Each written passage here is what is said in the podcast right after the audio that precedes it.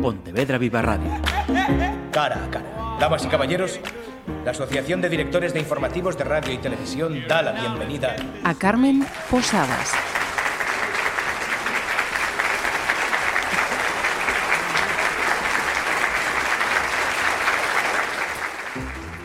Licencia para espiar es el último título por reciente que ha publicado Carmen Posadas y quien nos va a acompañar en esta charla.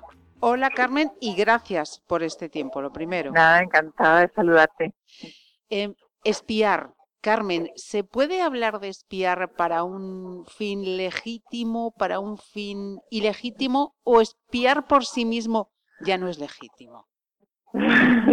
bueno, es una buena pregunta, ¿eh? es una pregunta de ética muy interesante, pero eh, yo creo que eh, todos los tratados que yo he leído sobre el espionaje coinciden en decir que el espionaje es la profesión más antigua del mundo, más incluso que, la prostitución, que es la que normalmente se, se menciona siempre, y, y que ha sido necesaria a lo largo de los de los siglos, porque saber es poder y como tú bien dices, se puede usar para el bien y, para el mal, pero eh, para ambas cosas. ¿eh? O sea que es cierto que espiar tiene una parte de engaño, pero muchas veces está justificado que se espíe, sobre todo si estás espiando a, un enemigo, por ejemplo, ¿no? Has mencionado además eh, poder. siempre es poder al final. el, saber, el saber es poder, sí, el saber es poder, sí está claro. En el libro miras a la mujer y recopilas una serie de nombres a lo largo de la historia que han sido espías y también testimonios actuales. Dado el lugar en el que estamos, te pregunto por uno de esos nombres, Valteira, la juglaresa gallega en el reinado de Alfonso X. ¿Qué, pinceladas nos puedes dar de aquella mujer?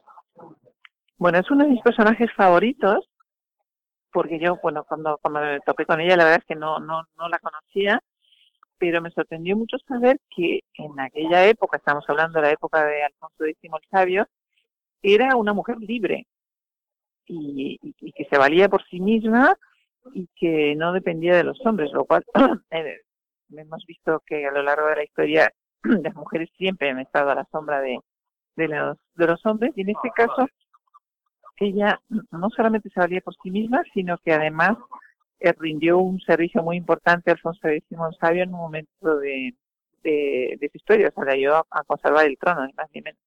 Ajá. Mira, y sin salir de Galicia y poniendo también la atención en otra mujer que motivó otro de tus libros, La Bella Otero, yo siempre he pensado que tuvo que ser una buena espía. Podría haberlo sido, desde luego, porque se movía en unos círculos muy exclusivos. De hecho, fue amante de siete reyes, nada menos, una de las mujeres más ricas de su tiempo. Luego lo perdió todo porque era ludópata, pero, pero podía haber sido perfectamente una espía. Yo creo que no lo fue. Es, es, una mujer que, que yo he estudiado bastante a fondo y me da la impresión de, de, que no. Se, ha hecho la comparación con Matahari, porque son casi contemporáneas. Incluso hay fotografías en las que están vestidas muy parecidas. Eran, eran, eran mujeres que se parecían mucho en que eran artistas, en que se movían en círculos importantes, etcétera, etcétera.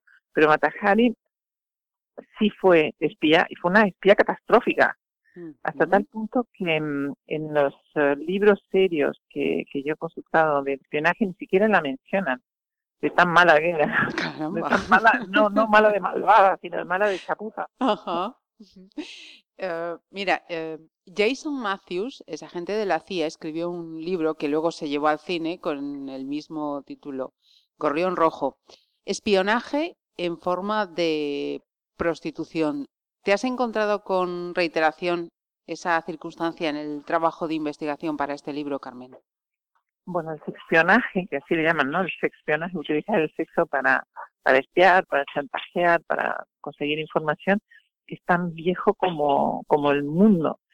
Y em, yo ahí pongo un, un ejemplo de las comedoras de venenos en la India ancestral, y estas eran niñas a las que, bueno, desde muy pequeñas empezaban a dar venenos, primero para inmunizarlas y luego para convertirlas en bombas venenosas ambulantes. Eh, tenían una educación como si fueran geishas, entonces les enseñaban, por supuesto, a, a manejar venenos, a, a manejar dagas, armas, etcétera, eh, pero también a tocar instrumentos, a hacer muy atractivas para los hombres, y luego lo que hacían era, ya te digo, mandarlas a quiera que querías eliminar, le mandabas este regalo envenenado y nunca mejor dicho, y, eh, y eran, bueno, gorriones rojos, o sea, es lo mismo que el ciberespionaje, mejor dicho, el sexpionaje en el siglo XX o el XXI. Es eh, otra de las grandes descubrimientos que, que podemos eh, hacer eh, leyendo este título de Carmen Posadas, Licencia para espiar. Mira, como hija de diplomático cuentas cómo mm, habías vivido, por ejemplo, entre espías en la, en la Unión eh, Soviética y pensaba, pero mm, qué civilinos eh, también eso de, de, usar voces de ultratumba y, y, aprovechar que no estuviesen los embajadores. Parece mentira, si te lo, lo, lo, ves en una novela te dices, qué imaginación, pero como siempre la realidad supera la ficción, es así. Oh. Los, los rusos tenían la obsesión de eh, colocar estas eh, espia, eh, Red Sparrows, ¿no? Como se llama el libro ¿no? que tú acabas de mencionar hace un momento, que son los gorriones, ¿no? Las uh -huh. mujeres que se dedican al espionaje.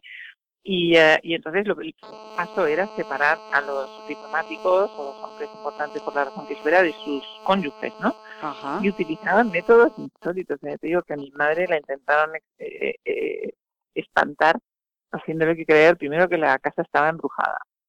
Entonces primero nos contaron una historia tristísima de cómo el dueño anterior de la, de la casa había asesinado a su mujer, la había descuartizado, la había quemado en la chimenea.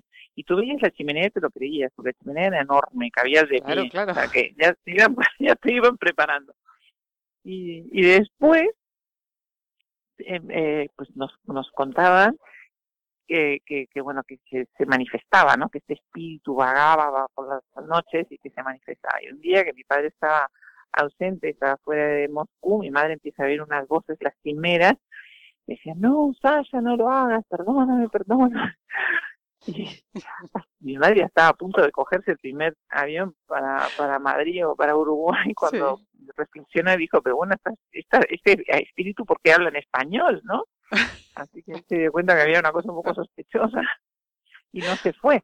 Pero otras embajadoras sí, y porque vivir en Moscú era muy complicado, además que hacían luz de gas en todos los sentidos.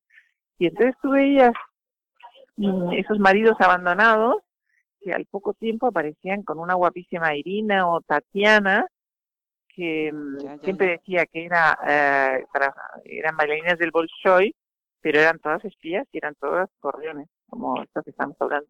Ajá. Mira, ya que estamos eh, hablando de, de lo que era la Unión eh, Soviética, eh, Putin de espía a presidente. También hay una miniserie titulada así, lo sé. Eh, la historia más reciente, Carmen, estaría siendo diferente de haber sido mujer. Y, y, no me refiero solo a la invasión de Ucrania, que eso ya, ya lo dijo Boris Johnson. Que si hubiera sido Putin mujer, dices. Sí. Uh, bueno, es, es, es, muy aventurado, no, no sé muy bien cómo sería. De todas maneras, las, las mujeres hasta ahora, cuando han detentado el poder, al final han sido igual de sin escrúpulos que los hombres, ¿no? En ese uh -huh. sentido. Uh, ahora no, ahora no, ahora las mujeres ya están utilizando su, su mano izquierda. Yo quería que esta novela se llamara La mano izquierda, porque pienso que las mujeres manejamos muy bien, ¿sabes? Eh, Ajá. Sí, la cintura, ¿no? Tenemos más, más cintura, como se suele decir. Sí, sí, sí. Así que quizá pues uh, hubiera manejado la, la, situación de otro modo distinto que, que Putin con tanta testosterona. Sin duda. Pues eh, si todavía no lo habéis hecho, os acercáis a vuestra librería de confianza y pedís licencia para espiar de Carmen Posadas, porque desde luego eh, engancha desde la primera página. Carmen, muchísimas gracias por tu tiempo. Ha sido un placer, muchas gracias a ti. Pontevedra Viva Radio. ¿Me permiten que les haga un comentario como espectadores del programa Cara a Cara?